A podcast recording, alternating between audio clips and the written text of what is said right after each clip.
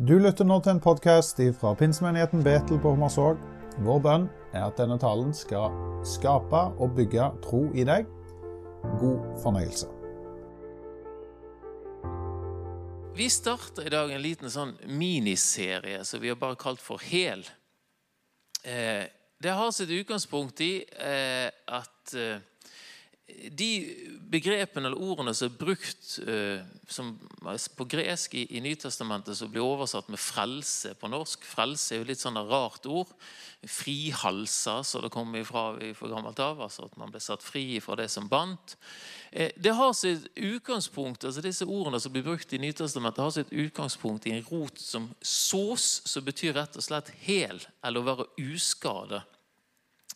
Eh, og vi synes det er det kunne vært interessant å bruke et par søndager rett og slett på å eh, se på det at, at, Gud har omsorg for hele mennesket. Altså I frelsen så ligger det en, eh, en slags tanke om at det er hele mennesket som blir berørt av frelsesverket. Det som Jesus har gjort, det omfatter hele mennesket.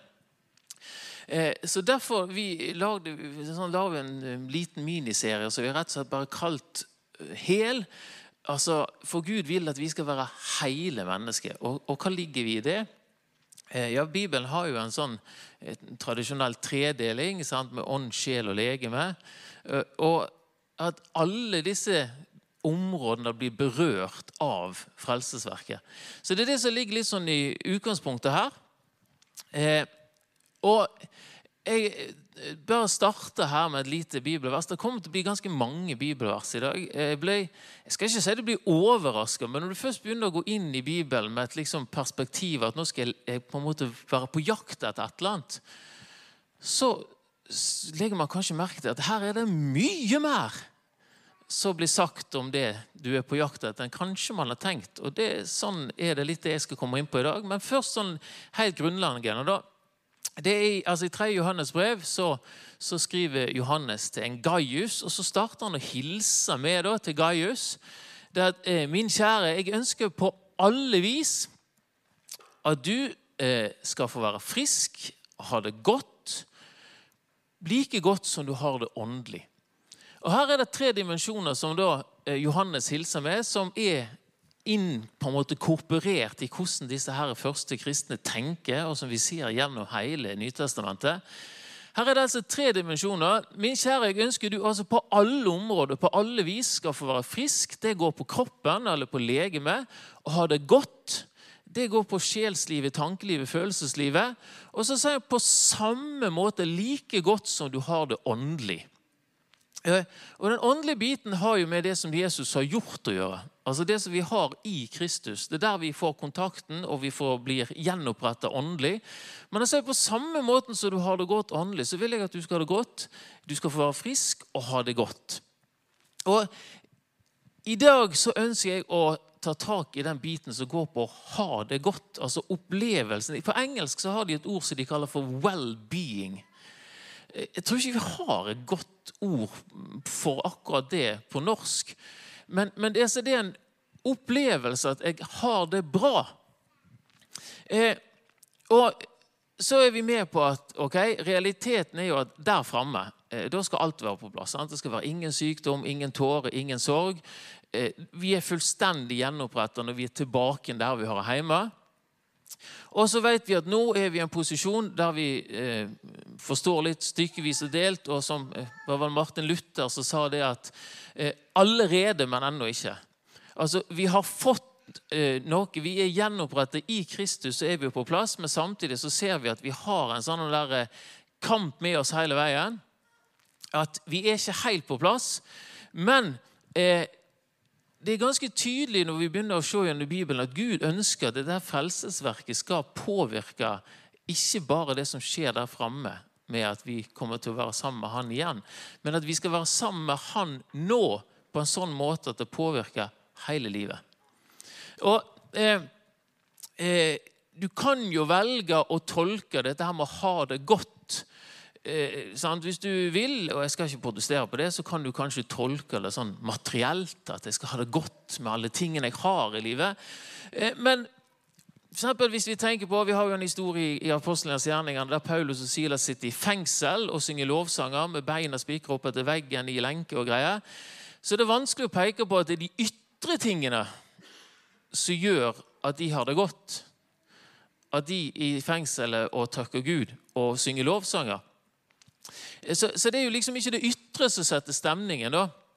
Eh, og det er sånn som Nehemja sier i, i kapittel 8, så sier han at vær ikke bedrøver, for gleden i Herren er deres styrke.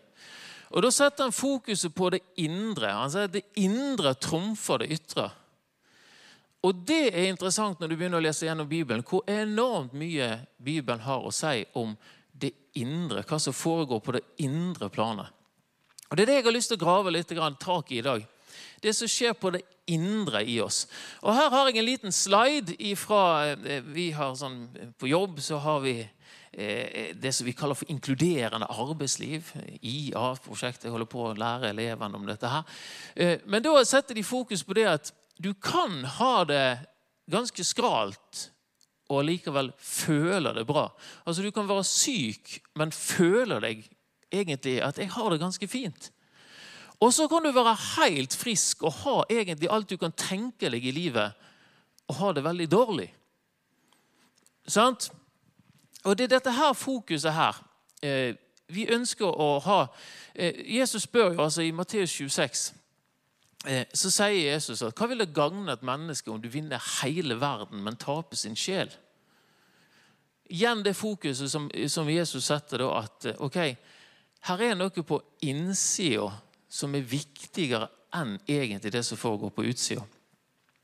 Så i Filipperbrevet så sier Paulus at det som var en vinning, altså det som før var en vinning for meg, det regner jeg nå for Kristi skyld som tap. Ja, jeg regner alt som talt, for det å kjenne Jesus, det å kjenne Kristus, min Herre, er så mye mer verdt. Og når han sier det, så er det ikke bare noe han sier. Men altså, Paulus i utgangspunktet han hadde alle ytre omstendigheter. Altså, Han var av høyhet, han var høyt utdannet, han var eh, eh, høyt skolert, han hadde høy status på alle mulige måter før eh, Eh, si, han, vi, vet, vi, kjenner historien til Paulus, det at han var jo en forfulgte de kristne først. Eh, og Han sier liksom at 'jeg er i for riktig stamme', jeg, jeg, har, jeg var en brennende, ivrig forfølger av kirka, som på en måte ble status blant jødene. Eh, jeg var uklanderlig i måten jeg oppførte meg. Jeg hadde alt på plass. Og så sier han at ytre sett så hadde jeg grunn til disse selvtillit, som det blir oversatt i den nye eh, bibeloversettelsen. Så han sier at hvis andre på en måte kunne sette sin stolthet og lit til det de hadde på utsida, så kunne i hvert fall jeg gjøre det. Men så sier men så oppdager jeg noe i Kristus som gjør at jeg regner alt det andre der som egentlig, jeg bare, jeg bare, regner det som et tapsprosjekt. For det som jeg har funnet i Jesus, er så mye mer verdt. Og Da blir jo spørsmålet hva er det Paulus har funnet der? For dette det er jo noe som får praktiske konsekvenser for han. Hans tanker har endret seg i møte med Jesus på en sånn måte at alt han tenker, alt han gjør, blir annerledes. Så i eh, Efeserbrevet så skriver han til at jeg ber om at vår Herre Jesu Kristi Gud, herlighetens Far, må la dere få en ånd som gir visdom og åpenbaring, så dere lærer Gud å kjenne. Og må Han gi dere hjertets, eh, lys til hjertets øyne, så dere får innsikt i det håp Han har kalt dere til. Og hvor rik og herlig Hans arv er for de hellige, og hvor overveldende Hans kraft er for oss som tror. Paulus har sett et eller annet i møte med Jesus. Han sier at dette her er bare noe som snur opp ned på hele livet. Ikke bare sånn at ok, nå eh, har jeg en eller annen sånn krampaktig plikt til å gjøre noe annerledes, men han ser helt annerledes på tilværelsen. Og så ber han for disse feserne at må dere dere få åpenbaring her, sånn at dere får lys i hjertet, i tankelivet, så dere skjønner hva dere egentlig holder på med, eller hva dere egentlig er en del av. Og Det er jo fascinerende å se på hvordan da Paulus egentlig peker på at det som er en åndelig realitet i Kristus, må få påvirkning på hele resten av livet. Altså Tankelivet får påvirkning på den psykiske helse, om du vil, og kroppen, sånn sett. Fysisk helse. Så det som skjer her inne, det har påvirkning på hele resten av livet. Og Det er det jeg har lyst til å gripe litt tak i. da. I dag tar vi den biten som går på tanke-følelseslivet. Jeg har tenkt tre punkter som jeg tar eh, veldig raskt. Eh, jeg vil se litt på eh, Det tar utgangspunkt i ordspråkene. som vi skal komme til. Men slik, slik, som vi tenker, er vi, sier Bibelen. Vi skal se litt på det. Jeg vil se litt på hva er det Gud har, hva er Guds tanker for oss i den forstand at ok, hvordan er det Gud tenker at vi skal tenke.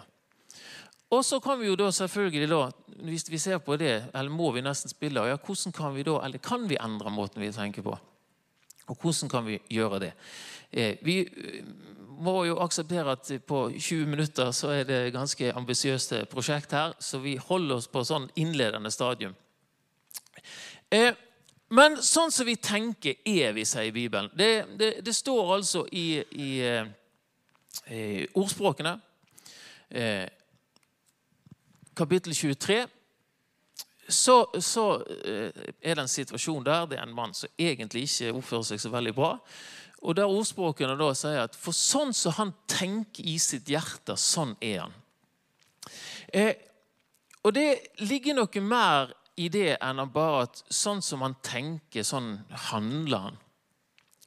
Men er vi med på at eh, i det hele tatt alt vi gjør Alt vi på en måte Om, om jeg er sjenert, eller om jeg er tilbaketrukken, eller om kroppsspråket mitt, hvordan jeg snakker. Alt jeg gjør. Ikke bare akkurat hvordan jeg handler i en konkret situasjon, men absolutt alt. Om jeg velger å bli hjemme, om jeg gjemmer meg, om jeg isolerer meg. Alt har å gjøre med hvordan vi tenker. Hva er det som foregår her oppe? Det styrer hele livet. Så Om vi sier at det ikke er nødvendigvis er vår identitet, så skjønner vi hva han sier. For han sier sånn som du tenker, sånn vil du være. Sånn vil du eh, eksistere egentlig i denne verden. Og det leder jo direkte videre til det som står i ordspråkene 24, da, eh, vers 23. Derfor sier Bibelen altså, bevar hjertet ditt framfor alt du bevarer. For livet går ut ifra. Hele din eksistens vil egentlig være styrt til hva som skjer i dette hjertet, i dette indre tankelivet. Så Derfor er det en klar oppfordring i Bibelen at det er her vi må sette fokuset. Det er her vi må ta vare på. Vi må vel kanskje være eh, har jeg ikke noe statistikk på det, eller sånne ting, men at man i kristen sammenheng har vært veldig opptatt av kanskje hvordan ting ser ut på utsida.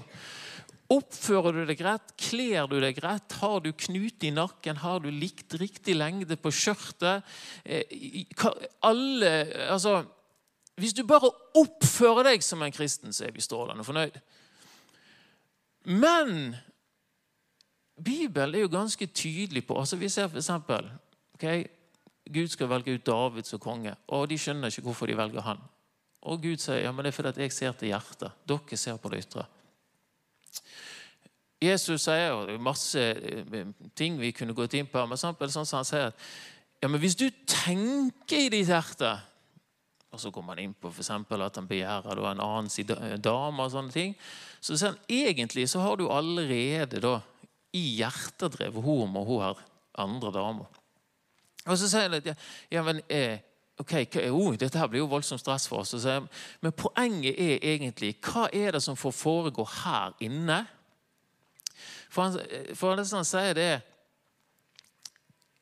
Det som går ut av munnen, kommer fra hjertet. Det er det som gjør mennesket ureint. Her er de krangla om de har spist noe. Da. Og så sier han, fra, fra hjertet så kommer de onde tankene, og det er det som gjør mennesket ureint.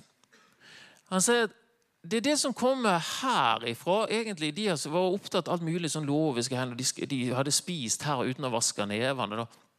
Og De tenkte at dette er jo forferdelige greier. Så sier Jesus dere må jo skjønne at det er ikke dette her det handler om. Men det er hva som kommer her innifra, som avgjør egentlig tilstanden for mennesket.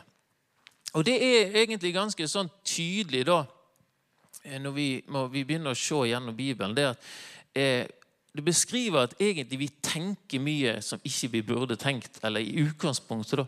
Altså det, det er ikke veldig mye vi tenker på som Bibelen beskriver da som ondt, altså som ikke er i tråd med det som er Guds tanker. Og Det er egentlig et sånn vedvarende problem som vi har med oss. og Det har jo med selvfølgelig at vi er falt ifra Gud. Vi er, eh, det står mye der sant, om at vi har, det ligger et slør over så vi ser ikke, og vi tolker og vi står på. Ut ifra at vi tenker egentlig La oss kalle det for negativt da, i et moderne ord.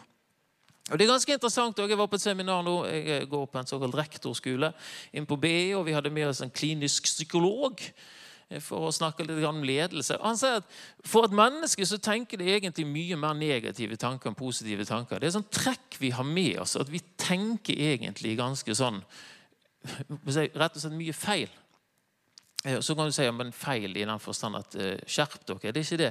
Han sier at vi har med oss at det er lett for oss å tenke negativt. Og Det, det hører vi også folk si at du, du, må få liksom ti ganger så mye positive bekreftelser som negative for at det skal sige inn. Det ligger latent for oss å tenke negativt. Og Det er det som eh, Jesus peker på her. Da, at her ifra hjertet så kommer problemene våre. Og så tenker vi ok, hva, skal vi gjøre med dette? her? Skal vi, eller La oss med, forresten ta, la meg få ta med et bibelvers til her. For Jesus stiller et veldig interessant spørsmål til noen sånn her eh, skriftlærde som, som, er litt irritert på at han hjelper mennesker som de ikke vil hjulpet.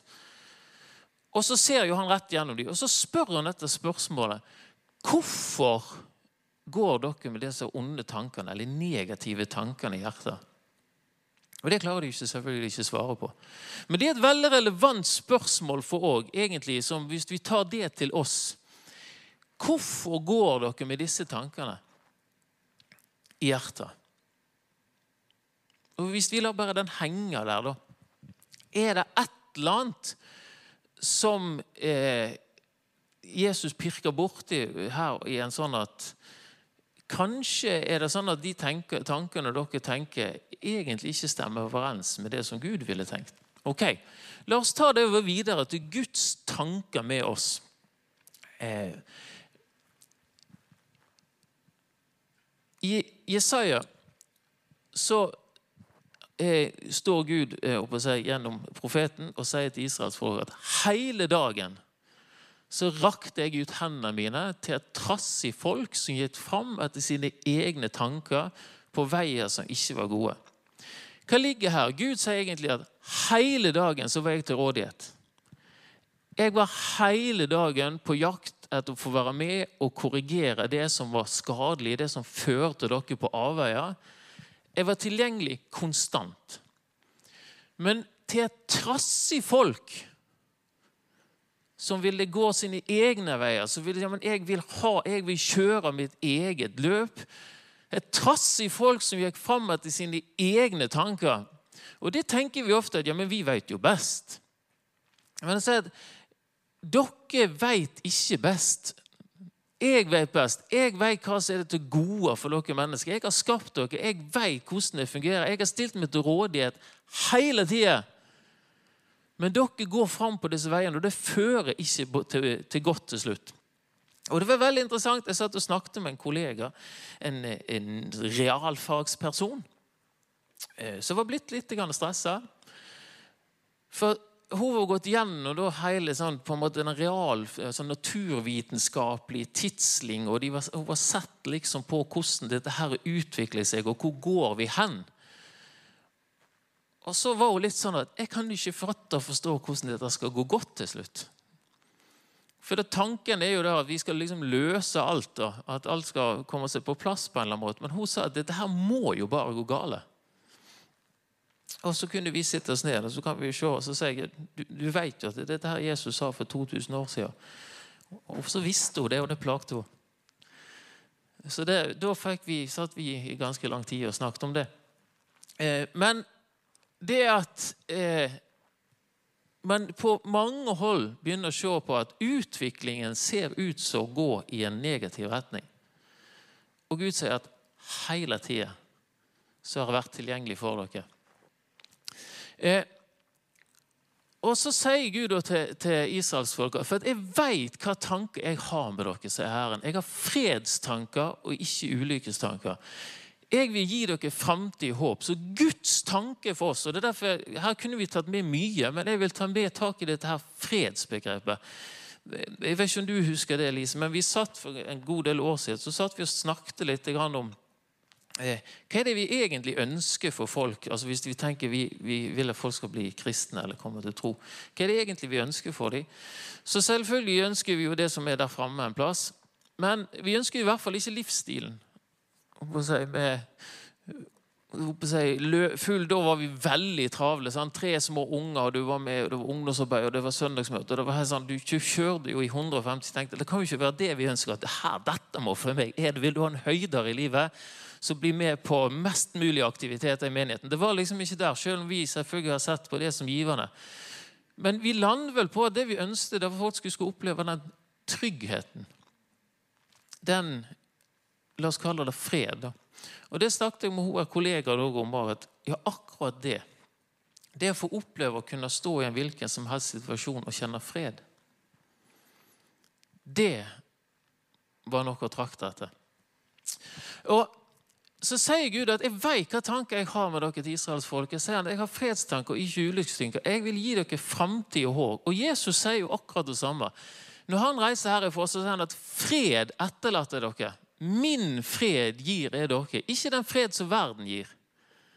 La ikke hjertet bli grepet av angst og motløshet.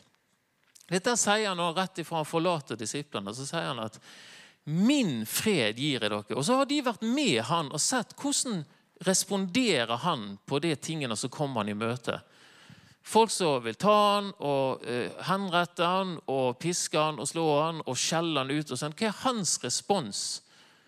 Han svarte ikke tilbake igjen, står det. Pilatus sier ja, men jeg, jeg, kan, jo, jeg kan jo liksom få, få satt deg fri fra dette. greiene. Ja, men det er jo ikke du som gjør dette her.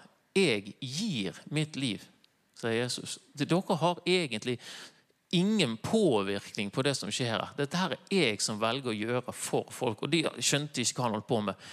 Men det er veldig tydelig når han sier det til disiplene før han reiser, det at 'min fred gir jeg dere'. Ikke den fred som verden gir, som er basert på om du har trygghet i ytre omstendigheter. Men min fred gir jeg dere. Og Det er veldig tydelig at Gud ønsker at vi skal ha fred, trygghet, ro som en indre kraft i livet. Sånn at la ikke hjertet bli grepet av angst og motløshet. Min fred gir jeg dere. Så tar jeg dette her videre til Galaterbrevet. Og det er veldig interessant når vi ser her i Galaterbrevet. Så er det interessant å se på at når han snakker om kjødets gjerninger, altså det som er, står litt før her, da, så sier han liksom, hva, hva er det som preger den menneskelige type La oss kalle det for arrogante framferd. Så snakker han om kjødets gjerninger. Altså det vi gjør. Da kan han snakke om eh, hor og, og stridigheter og masse sånne ting han tar opp der, som handler om måten vi oppfører oss på. Men han sier at men det som Gud er på jakt etter, så kaller han det for åndens frukt. Og det er ganske interessant Når vi ser på disse verdiene, så er de stort sett indre basert. Kjærlighet, glede, fred, overbærenhet, vennlighet, godhet, trofasthet, ydmykhet, selvbeherskelse. Han sier disse tingene er det Gud vil dyrke fram i dere. Han sier Den hellige ånd er utsendt, og hans frukt, det han vil virke i dere, ser vi er indre Er dere med på at vi er, vi er på en måte indre motivert til å gjøre det vi enn gjør, eller måten vi oppfører oss på? Og disse tingene her er, La oss kalle dem for verdier, da.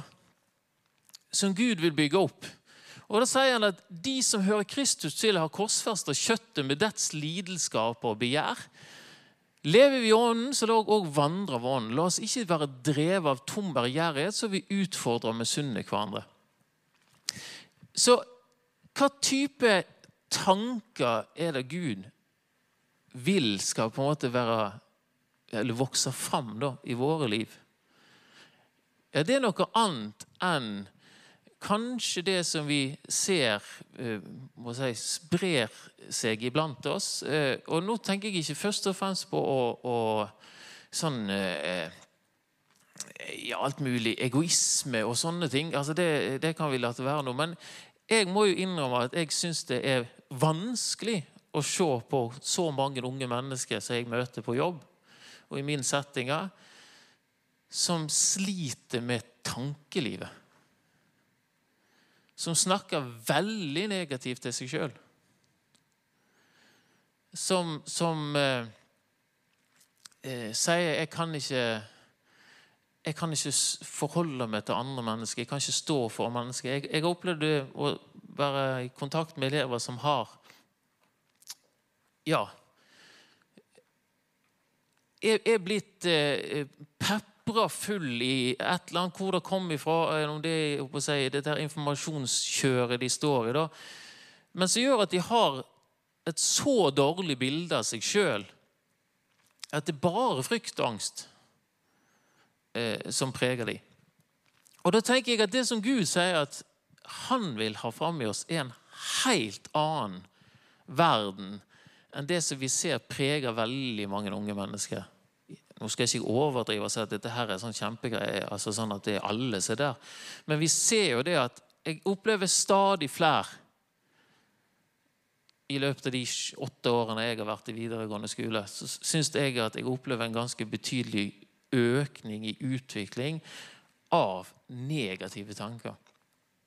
Eh, så at, at Gud ønsker at våre tanker skal være preget av andre ting enn la oss si, verdens tanker, er ganske tydelig.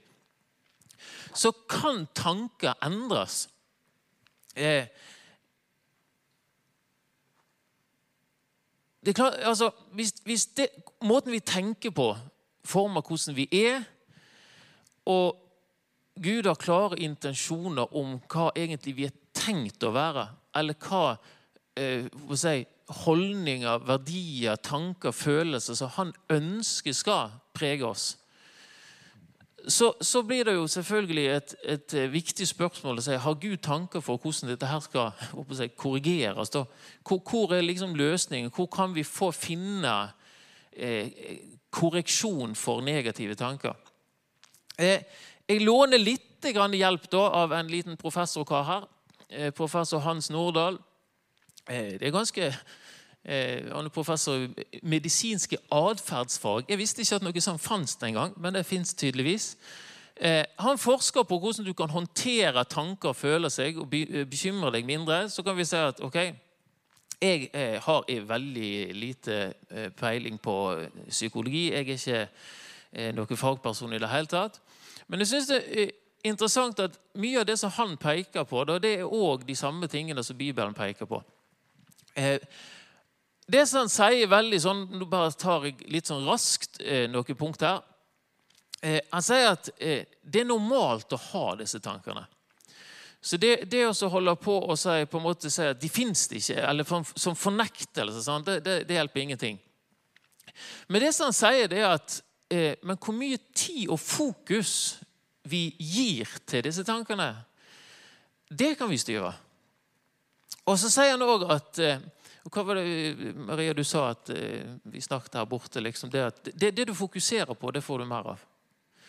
Eh, og så sier han òg at eh, det er viktig når han holder på å jobbe med dette med folk, at å få folk til å anerkjenne at alle disse negative tankene egentlig, og mye grubling og bekymring er egentlig bortkastet tid. Og hva er det Bibelen sier? At Hvem kan vel med all sin bekymring legge en alen til sin livstid? Så det står. Altså, Jesus snakker egentlig akkurat det samme språket. Det er at dette her fører egentlig ingenting konstruktivt med seg. Det hjelper deg på ingen måte. Så anerkjenn at det bortkaster tid å bekymre seg for det du egentlig ikke har noe med å, å gjøre. Og det som har vært, det kan du heller ikke gjøre noe med. Du kan lære av det, men det å grave seg ned i det som har vært det han sier, det er egentlig bare å anerkjenne at det er bortkasta tid. Så Disse negative tankene, er de egentlig nyttige for deg? Hjelper de til noe som helst? Blir, trygge, blir du tryggere av å bekymre deg? Så han, han påpeker at denne grubling er sjelden hensiktsmessig fordi at det gjør oss nedstemt, og det graver oss ned, og det kan etablere da disse her onde tankene. Eh, og det er òg eh, finner vi eh, på å si, akkurat det samme budskapet i Bibelen. Og så sier han at Vi kan trene på å utsette tankene. det at Vi kan si at du må lære deg å leve i nuet. Altså, eh, Du kan si at 'dette her vil ikke jeg la dominere der som jeg er nå'. Jeg kan utsette, jeg vil håndtere det seinere en gang. Og det som han sier, det gjør ofte at du får flytta perspektivet. Og Bibelen sier jo sånne ting som for eksempel eh, Vær snart å lytte og seint å tale. Det er å ta, ta, liksom, ta, tak i tingene der og da. Det sier Bibelen. Det, det kan kanskje ikke være så veldig smart. Ta også Vent. Ta, ta og Ha litt is i magen. Og Jeg skal komme litt inn på ting etterpå. nå.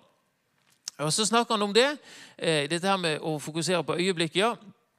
For Han sier at hvis du fokuserer hele tida på fortid og framtid, så kan du miste livsgleden i der du er nå. Eh, og så sier han òg at tanker er jo bare tanker. Før de på en måte er blitt virkelige, så er de egentlig bare tanker. Sånn at i seg sjøl er ikke tankene farlige, men de blir virkelige når de får styre livene våre. Så hva er egentlig da det er si, i korte trekk det som Bibelen legger vekt på? Ja, Han sier innrett dere ikke etter den nåværende verden. Altså den verden som ikke på en måte plasserer Du er jo i verden, men ikke innrett deg til at det er verdens tankegang som skal få definere mitt liv. Men la dere, dere forvandle ved at sinnet fornyes, så dere kan dømme hva som er Guds vilje. Det som er godt, det som er til glede for Gud, er fullkomne.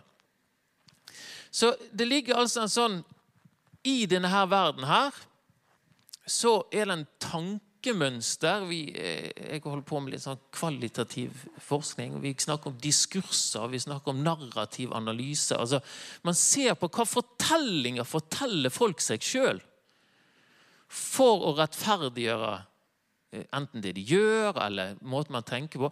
Det var veldig interessant. Vi var borti en sak der da eh, man ser på eh, Det var folk som holdt på med ekstremsport. altså Diverse sånn vill skikjøring ned ved stupbratte fjellsider og fjellklatring uten tau og masse sånne greier. Og det, Realiteten er jo at det er stor sjanse for at du kan dø. Hvis du holder på å klatre i fjellside uten tau, eller du holder på å kjøre utfor stup med 40 meter hopp og sånn crazy greier, så er det jo med livet som innsats. Men de fortalte seg sjøl altså en historie som var i retning av at hvis ikke jeg gjør dette her, så dør jeg. Altså, hvis, Da er ikke livet mitt verdt å leve. Og det, Forskerne begynte å se på, det er ganske fascinerende å se hva folk forteller seg sjøl for å på en måte forklare det man gjør. Da.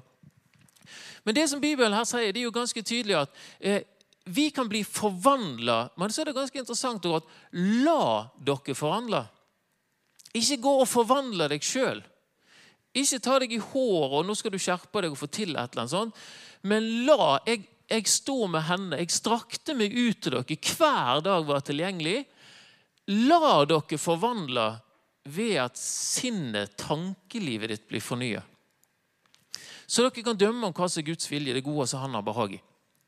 Og de, Nå skal jeg bare trekke fram eh, tre punkt her. For det første så sier Jesus i Johannes at hvis dere blir i mitt ord, så, dere, eh, så er dere virkelig mine disipler. Og Da skal dere kjenne sannheten, og sannheten vil sette dere fri. ene der så tar vi med neste med en gang. Og så sier han at men når sannhetens ånd kommer, så skal han veilede dere til hele sannheten. Hvis vi slår de sammen, så er det at ok, Jesus har et budskap. Det ligger noe i det som Jesus har å formidle til oss, hans ord, som er frigjørende. Og der er det sånn at Hvis man da ikke opplever å bli fri, så er det noe feil en plass. For Jesus har et frihetsbudskap og sier 'min fred vil jeg gi dere'. Så hvis det er noe i møte med ordet som gjør at du blir stressa og skuldrene går opp og du begynner å løfte deg i håret, så er det noe feil en plass. For Guds tanke er at det skal komme fred. Det, skal, altså det som Paulus får oppleve når han ligger i fengselet med beina oppe til veggen og synger lovsanger, der har det skjedd noe på innsida, sånn at ordet har fått slått, som det står i historien om sommeren. Ordet får slå rot i god jord, og så vokser det opp og bærer frukt.